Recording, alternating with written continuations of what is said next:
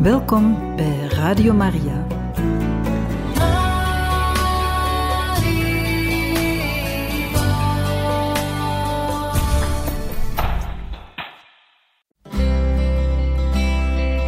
Welkom bij Boekat, een programma van Radio Maria.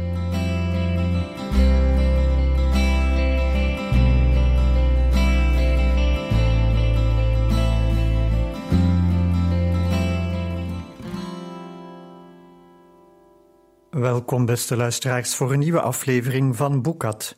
We lezen vandaag uit het boek van Tessa Afshar, schrijfster aan het Perzische Hof. Nehemia stuurde Darius en mij een uitnodiging om hem die ochtend te komen bezoeken. Hij was ook bij het feest voor de equinox aanwezig geweest, maar was niet langsgekomen om ons te begroeten. Ik vermoedde dat de aanvaring tussen hem en Darius nog niet bijgelegd was. Deze uitnodiging was vast zijn manier om vrede te sluiten. Ikzelf had Nehemia al een hele tijd geleden vergeven voor zijn rol in het arrangeren van ons huwelijk. Hij had het goed bedoeld. Sterker nog, hij had me een groot compliment gegeven door te denken dat een man als Darius mij als vrouw zou willen. De ontdekking dat hij me niet gewoon drie maanden lang genegeerd had, maar uit gehoorzaamheid aan Damaspia was weggebleven, nam mijn laatste aarzelingen weg. In Darius' afwezigheid besloot ik Nehemia's uitnodiging te accepteren, hoewel ik daarmee meerdere etikettenregels overtrad. Als vrouw van een edelman had ik niet langer de vrijheid die een gewone burger genoot. Alleen een man treffen, ook al was dat mijn bloedeigen neef, was verboden. Maar ik betwijfelde of het Darius veel kon schelen. Ik was hem als vrouw opgedrongen en mijn keuzes leken hem weinig te interesseren. Bovendien verlangde ik naar Nehemia's gezelschap. Ik wilde met hem de vreugde delen over mijn hervonden geloof. Meer dan wie ook zou hij begrijpen wat het voor mij betekent. Ik besloot niet te wachten op Darius en ging alle regels overboord gooiend op zoek naar mijn neef. Ik trof Nehemia terwijl hij net aan het pakken was. Voor het eerst was zijn kantoor niet onberispelijk. Niemand kondigde mijn komst aan, en daarom liep ik meteen naar binnen, waar ik mijn neef aantrof, met zijn hoofd diep verstopt in een leren hutkoffer. Ga je ergens naartoe? Vroeg ik. Sarah! Ik hapte naar adem toen hij me in een vaderlijke omhelzing bijna fijn kneep. Wat leuk om je te zien! Zo'n hartelijk welkom had ik niet verwacht. Hij evenmin, vermoed ik, want hij deed stijfjes snel een stap achteruit. Ik vond zijn plotselinge affectie en de daaropvolgende correctie ontroerend. Ik ga naar Susa. Ik reis vooruit om alles voor te bereiden voor de komst van de koning, zei hij als antwoord op mijn oorspronkelijke vraag. Aha, ik was vergeten dat het Hof zich binnenkort weer naar Susa verplaatst. Een paar maanden weg en ik ben al niet meer bij wat de gewoonte van het Hof betreft. Je bent blijkbaar zonder begeleiding gekomen. Is dat niet vragen om moeilijkheden? Jij bent het me waard. Nehemia keek me streng aan. Je kunt maar beter gaan. Kom later terug, met een geschikte chaperone. Mijn man kan het niet schelen. Nehemia trok een wenkbrauw op en nodigde me uit plaats te nemen op een safraangele bank. Je hebt een zware zomer achter de rug, heb ik gehoord. Ik vermoedde dat hij elk detail al kende van het verhaal dat ik de koning had verteld. Ja, heer, zei ik. Eigenlijk hoefde ik die titel niet meer te gebruiken, omdat ik inmiddels een hogere rang had dan hij macht der gewoonte. Het klinkt alsof je goede vrienden hebt gemaakt in je nieuwe thuis. Dat klopt. Hij knikte. Mooi. Hij keek weg. Je hebt eindelijk wat tijd door kunnen brengen met je echtgenoot. Hoe behandelt hij je? Er waren zoveel manieren waarop hij die vraag had kunnen stellen. Domweg nieuwsgierig, bemoeierig, kritisch of oprecht zoals hij deed, zijn blik warm en intens. Nehemia gaf me altijd het gevoel dat hij mijn grootste problemen aankon. Ik had hem luchthartig willen antwoorden, maar in plaats daarvan schoot de waarheid eruit. Hij is vriendelijk. Hij lijkt me zelfs te waarderen sinds dat gedoe met Thijspes. Maar hij zal nooit van me houden. Hij raakt me niet eens aan. En jij houdt wel van hem. Het was geen vraag. Ik had kunnen weten dat hij mijn diepste geheim moeiteloos bloot zou leggen. Deze man was al toen ik nog een kind was in staat in mijn ziel te graven en naar boven te halen wat ik dacht. Ik begroef een moment lang mijn gezicht in mijn handen. Hoe dom kan een vrouw zijn? Het is niet dom om van je man te houden. Wel, als hij je niet kan verdragen. Ik denk dat het zo erg niet meer is, gezien de manier waarop hij tijdens het feest naar je keek. Het was zijn manier om me tegen het geroddel te beschermen. Ik zei al dat hij aardig is. Nehemia roffelde met zijn gemanicuurde vingers op het albasten tafelblad naast hem. Hij minacht je in elk geval niet meer, als hij aardig tegen je is. Je bent in een paar maanden tijd ver gekomen.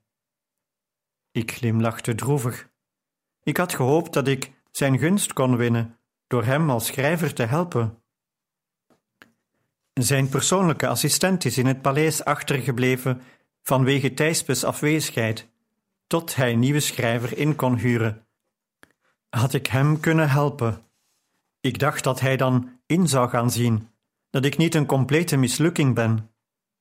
Maar het zit er niet in. De koning heeft al iemand voor hem gevonden. Je man moet leren van jou te houden, niet van je capaciteiten. Je doet hem geen enkel plezier door hem te willen winnen met iets wat minder waardevol is dan je ware zelf. Ik voelde de tranen in mijn ogen branden.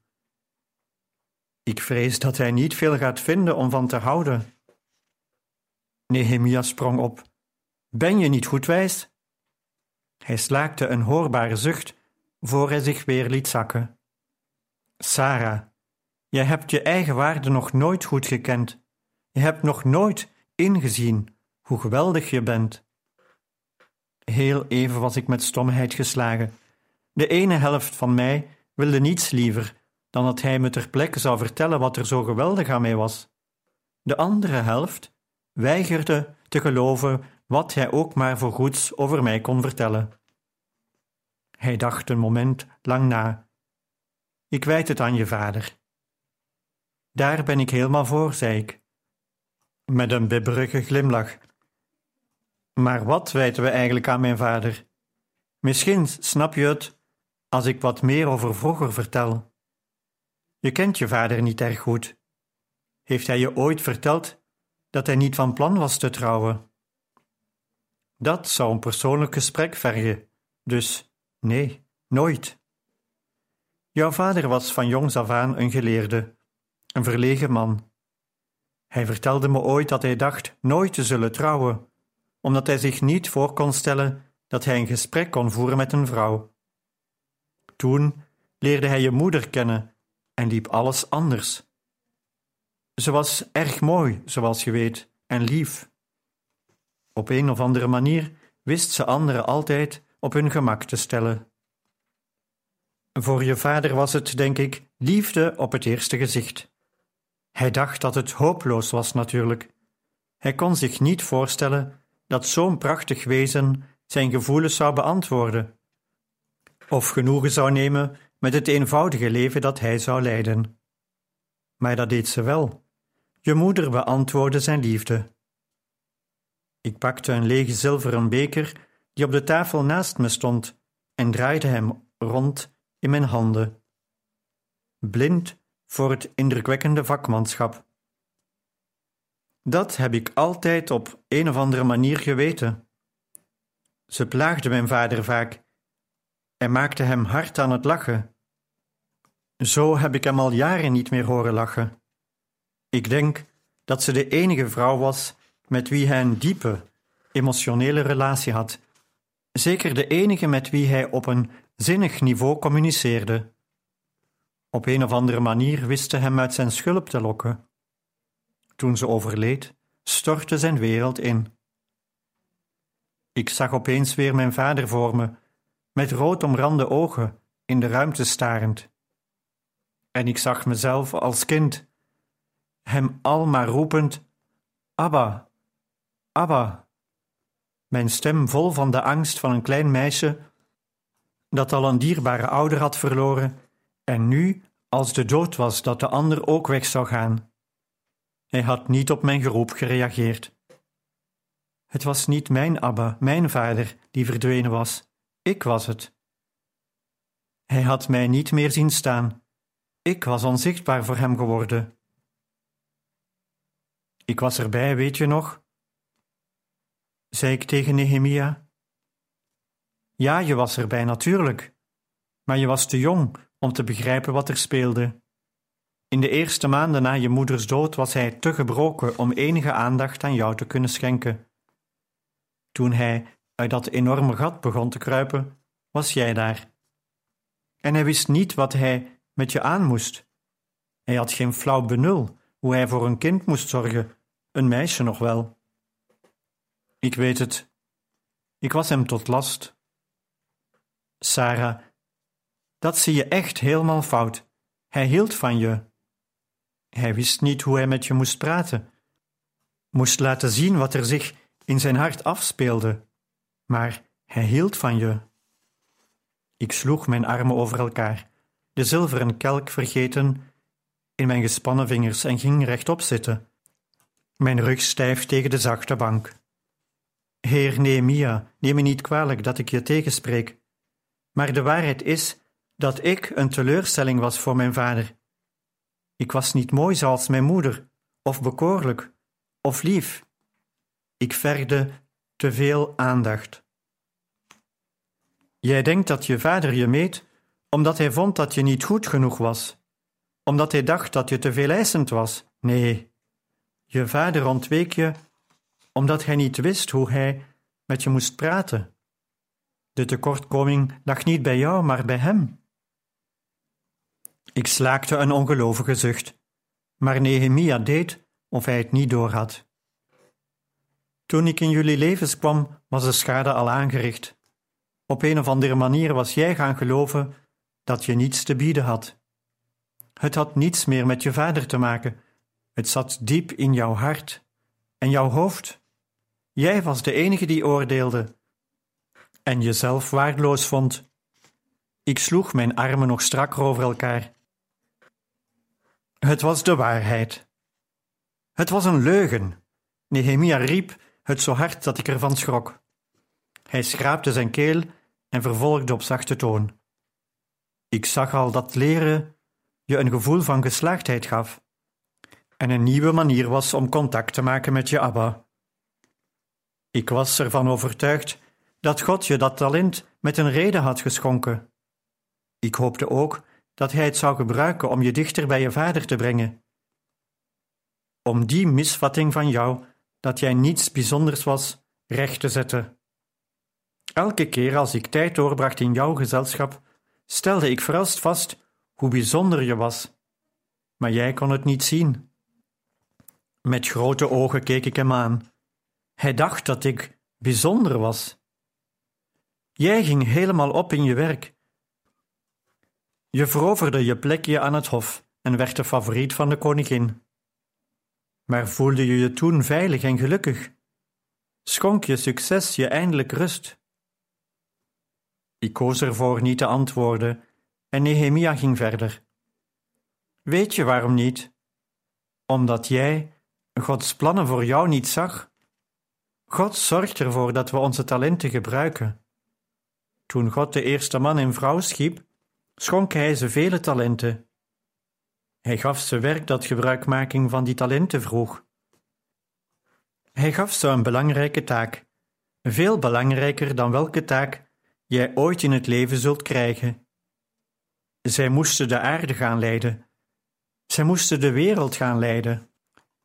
Ik zette met een onrustig gebaar de zilveren kelk terug op tafel. Ik voelde dat Nehemia zich opmaakte voor een stevige preek. En misschien was dat wel precies wat ik nodig had, dacht ik, en dwong mezelf te luisteren. Maar denk je dat God dacht dat ze al die vaardigheden waardig waren? ging hij verder, alsof hij mijn onrust niet bemerkte. Ze waren nog niet eens goed en wel aan het werk gegaan toen hij zijn eerste oordeel over hen velde. Hij noemde hen heel goed, terwijl ze nog helemaal niets hadden bereikt. Ze hadden nog helemaal niet bewezen dat ze capabel waren. Hij had ze goed genoemd, niet om wat ze hadden bereikt, maar om hoe hij ze had gemaakt. Ik voelde me bij die woorden verstijven. Ik had Gods reactie op Adam en Eva nooit zo bekeken. Nehemia had gelijk. God vond ze al goed, voor ze ook maar iets hadden gedaan wat goed was. Nehemia knikte erbij, alsof hij merkte dat ik eindelijk begon te begrijpen wat hij me duidelijk wilde maken. Dit is hoe het hoort, Sarah. Het hart dat weet dat God de bron van alle schoonheid is. Het hart dat zijn vrijheid weet te waarderen.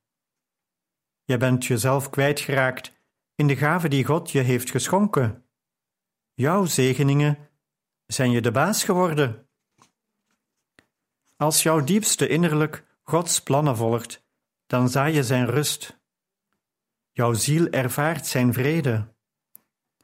Maar in plaats daarvan zorgde jouw innerlijke wereld voor onrust, omdat jij uit het oog verloor wie je werkelijk bent. Je leefde in angst, angst dat je teleur zou stellen. Jarenlang heb ik toegezien hoe jij een verstoord leven leidde. Je hebt je intelligentie, je vermogen sneller te leren dan anderen, je snelle denken en je snelle begrip tot het middelpunt van je leven gemaakt. Maar dat was nooit Gods plan voor jou. Ik maakte een onwillekeurig armgebaar en sloeg de zilveren kelk om. Het ding maakte een vreselijke herrie toen het op de geboende vloer belandde. Ik had niet de kracht het weer op te rapen. Ik was compleet van slag door Nehemia's woorden. Mijn kind, Gods zorg voor jou is nooit afhankelijk geweest van wat je bereikt. Je bent geschapen voor Zijn liefde, niet om Zijn werkpaard te zijn. Jouw successen moeten een antwoord op die liefde zijn, maar jij hebt liefde het antwoord gemaakt op jouw successen. Ik weet niet of jouw man ooit van je kan houden zoals jij wilt. Ik weet niet of hij ooit je ware ik zal zien. Een vrouw met bijzondere kwaliteiten en schoonheid. Maar één ding weet ik wel: ook zonder de aandacht van je man kun je je geliefd en vervuld voelen. De standvaste liefde van God zal altijd bij je zijn, altijd, Sarah. Ik bracht de zoom van mijn dure linnen mouw naar mijn druppende neus. Ik begin dat eindelijk in te zien. Ik begin eindelijk te geloven dat God heel aanwezig is als ik hulp nodig heb.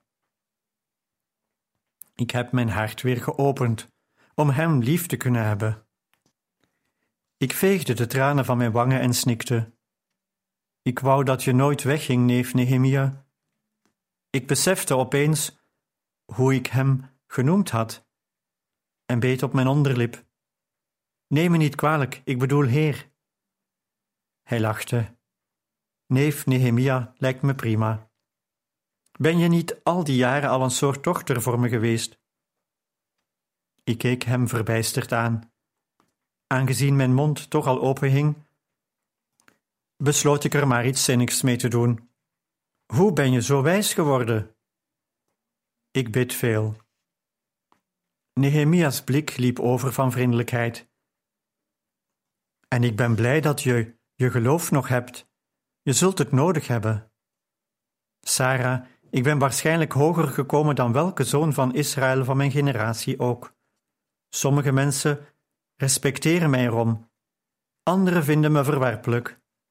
Zeggen dat ik een verrader ben door te werken voor de Perzen en hun manier van doen over te nemen. Ik wist wat hij bedoelde. Ik had als Joodse in de paleizen van de koning geleefd en was bij veel van onze mensen op vooroordelen gestuurd. Mensen die vonden dat ik te Perzisch was geworden. Ik knikte. Dat moet het erg moeilijk voor je maken. In tegenstelling tot mij ben je nog erg actief in de Joodse gemeenschap. Hij haalde zijn schouders op. Het is niet moeilijk als het je niet kan schelen wat anderen van je denken. Sommigen vinden dat ik erg geslaagd ben. Anderen draaien me de rug toe als ze me zien. Wat kan mij dat schelen, zolang ik de blijvende liefde van God heb? Als op een dag mij al het werk uit handen valt, denk je dat ik dan ook kwijt ben wie ik voor God ben? Geen moment. Mijn hart breekt misschien, maar niet omdat ik mezelf dan als minderwaardig beschouw. Ik weet dat ik altijd voor God sta als Zijn kind.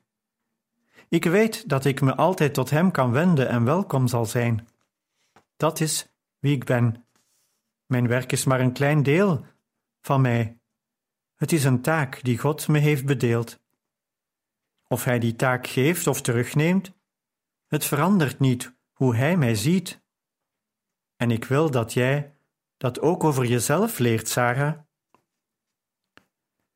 Nog voor ik kon antwoorden, stormde Nehemias assistent de kamer in met dringende zaken. Ik besloot te gaan, wetende dat mijn neef mij al meer tijd had geschonken dan hij eigenlijk had. Ik was niet in de stemming om alweer terug te gaan naar onze kamers en besloot wat in de tuin te gaan wandelen.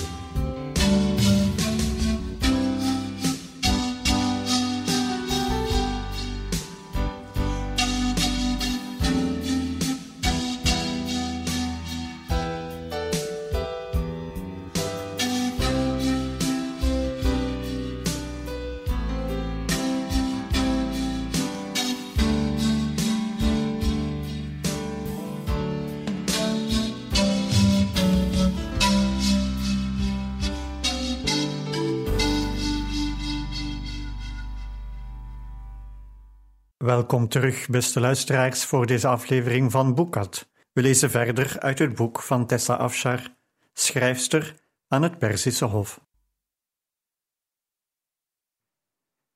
Terwijl ik onder een boog van roze rozen doorliep, dacht ik na over Nehemia's bijzondere onthullingen. De eerste gedachte die in mij opkwam, was dat hij me bijzonder vond. Nehemia, mijn geslaagde populaire neef, dacht dat ik bijzonder was.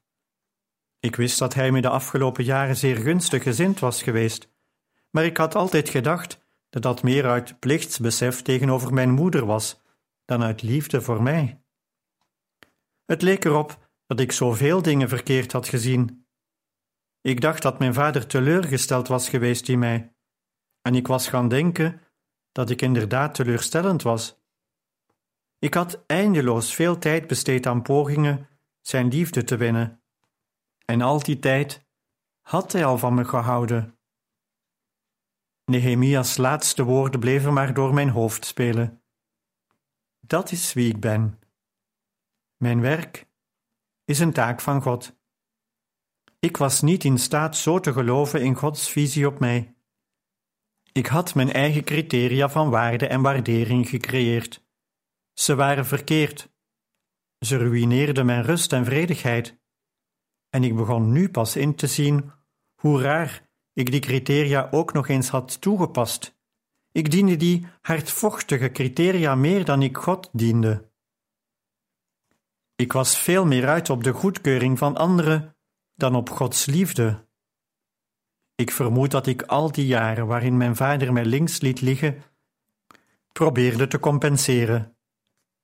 Maar als Nehemia gelijk had, kon het God niet schelen of ik te veel kostte of nutteloos was. Hem kon het niet schelen hoe anderen over mij dachten. Zijn maatstaven waren heel anders dan de mijne. Overweldigd door al deze nieuwe inzichten, liet ik me op een marmeren bank zakken en leunde achterover tegen de versierde rugleuning. Ik voelde de kou van het marmer door mijn witte linnen jurk trekken. Ik trok mijn benen op en sloeg mijn armen eromheen. Nehemia had me ervan beschuldigd een verstoord leven te leiden. Ik, die ooit orde had aangebracht in het leven van de koningin van Perzië, kon mijn eigen leven maar niet op orde krijgen. Ik kon een boekhouding opzetten en beheren, maar werd onderuit gehaald door mijn eigen hart. Was er iemand anders dan God die mijn hart kon bevrijden? God, riep ik in stilte, u ziet de zaken niet zoals wij stervelingen ze zien. Wij oordelen op uiterlijkheden, maar u kijkt naar het hart. En een groot deel van mijn leven ben ik op jacht geweest naar uiterlijkheden. Ik wilde zo graag uitblinken. Maar u, God, u kent mijn hart. Wilt u me alsjeblieft vergeven dat ik de verkeerde heren van mijn ziel diende? Help me alsjeblieft alleen u te dienen. Ik dacht even na en corrigeerde mezelf. Help me alsjeblieft alleen u te willen dienen. Ik kon geen woorden meer vinden. Op een of andere manier, in de naweeën van mijn gebed, werd het heel stil in mijn hart. Een genezende stilte. Ik wist dat ik aan het begin van een reis stond. Ik wist dat ik me bewust was geworden van mijn zonden. En dat mijn verlangen te veranderen nog maar het begin was. En toch voelde het al alsof om mijn hart een muur af begon te brokkelen. Alsof ik door mijn foute maatstaven te onderkennen God de kans had geboden dichterbij te komen. Ik ervoer zijn aanwezigheid als die van een dierbare vader en niet als die van een verre God. Als een kind dat in het gezelschap is van een van zijn liefhebbende ouders, viel ik tevreden in slaap. Het moet al na het middaguur zijn geweest toen ik weer wakker werd, stijf van mijn dutje op het harde marmer. Over mijn ziel lag een deken van rust. Ik glimlachte, vervuld van vreugde. Ik was te gelukkig om weer terug te gaan naar de beperkingen van het paleis en besloot mijn wandeling voor te zetten. De zoete geur van duizend aromatische bloemen begeleidde mijn wandeling en mijn hoofd liep over van al die schoonheid. Pas toen ik bij de binnenste muur van de stad aankwam, hoog en wit als een ijswand, bleef ik eindelijk staan. Vanuit mijn ooghoek zag ik dat er een klein jongetje naar me toe kwam. Zijn kindermeisje een paar passen achter hem. Ik herkende hem. Het was Arash, Damaspia's lievelingsneefje. Hij was pas drie en was zo schattig dat hij al een hele schare aan fans had. Hij kwam vastberaden op me af. Ik had hem, toen ik nog voor de koningin werkte, een paar keer ontmoet. Heb je perkament voor me? vroeg hij. Ik had hem ooit een klein stukje gegeven. En nu vroeg hij er elke keer om als hij me zag. Goedemiddag, Arash. Ik ben bang dat ik vandaag niets voor je heb. Oh, met een mollig handje krabde hij op zijn hoofd. Een vlinder met lila vleugels, aangetrokken door het zoete aroma van de smeerseltjes in mijn haar, begon om me heen te fladderen. Wat is dat? Riep Arash. Een vlinder. Langzaam en nadrukkelijk herhaalde hij de klanken. We hadden dit al eerder gedaan. Meestal kende hij de woorden al, maar hij deed altijd alsof hij ze net leerde. Wat is dat? Een muur. Weet je hoe we die kleur noemen? Wit. Wat is dat? zei hij, en wees naar het deel van de muur dat naar voren kwam. Dat noemen we een steunbeer. Ik ging ervan uit dat hij dat woord nog niet kende. Het helpt de muur overeind te houden. Ik herhaalde het woord, met nadruk, op de twee woorddelen, zodat hij het makkelijk kon onthouden. Een twinkeling in zijn ogen deed vermoeden dat we op het punt stonden in de problemen te belanden, dat wil zeggen, ik. Zo hard hij kon, begon Arash te roepen: Steunbeer, billenpeer. Dat rijmt. Steunbeer, billenpeer. Een diepe mannenlach deed me ontzet omdraaien. Darius stond tegen de muur geleund, een been opgetrokken, zodat hij zijn voet tegen de muur rustte. Geweldige lerares ben jij, zei hij. Voor ik iets kon zeggen, zag ik dat Damaspia naar ons toeliep. Arash riep nog steeds loeihard: Billepeer, billepeer. Wat moest dit voorstellen? Een vergadering of zo? Mijn doodsvonnis is getekend, mompelde ik. Darius' mond vertrok tot een scheve grijns. In de zon leken zijn groene ogen op glinsterende edelstenen. Ik slikte, terwijl ik naar hem keek en draaide mijn hoofd af. Ik schrok op toen ik ineens doorhad dat Damaspia al naast me stond. Ze ging op een bankje zitten en gebaarde dat ik bij haar moest komen zitten. Wat roept dat kind toch? Ik kreunde. Plotseling verstond ze wat hij zei. Arash, houd daar onmiddellijk mee op. Je weet best dat dat niet mag. Bij het horen van de koninklijke reprimande hield het jongetje direct zijn mond. Ik vreesde dat hij van schrik in tranen uit zou barsten, maar in plaats daarvan klauterde hij bij Damaspia op schoot en begon haar luide knalzoenen te geven. Goed? vroeg hij tussendoor. Iedereen was natuurlijk hoogelijk gecharmeerd. Jij kleine dondersteen, ja, zo is het goed. En je bent lief, maar je moet je wel gedragen. Arash glimlachte naar haar en Damaspia knikte. Vervolgens richtte ze haar aandacht op mij. Heeft Darius hem dat geleerd? Ik schraapte mijn keel. Ik ben bang dat ik het was, majesteit. Ik probeerde hem het woord steunbeer uit te leggen. Damaspia beet op haar onderlip en begon toen te lachen. Je hebt een indrukwekkend talent om in de problemen te raken, zonder er echt veel moeite voor te hoeven doen. En dan krijg ik de schuld, zei Darius, met een hand op zijn hart. alsof hij dodelijk getroffen was. Oh, ga toch zitten op. Die steunbeer, grijnsde Damaspia. Darius deed wat ze zei. Arash heeft wel gelijk, hoor. Prima plek voor mijn billenpeer. Ik liet mijn hoofd in mijn handen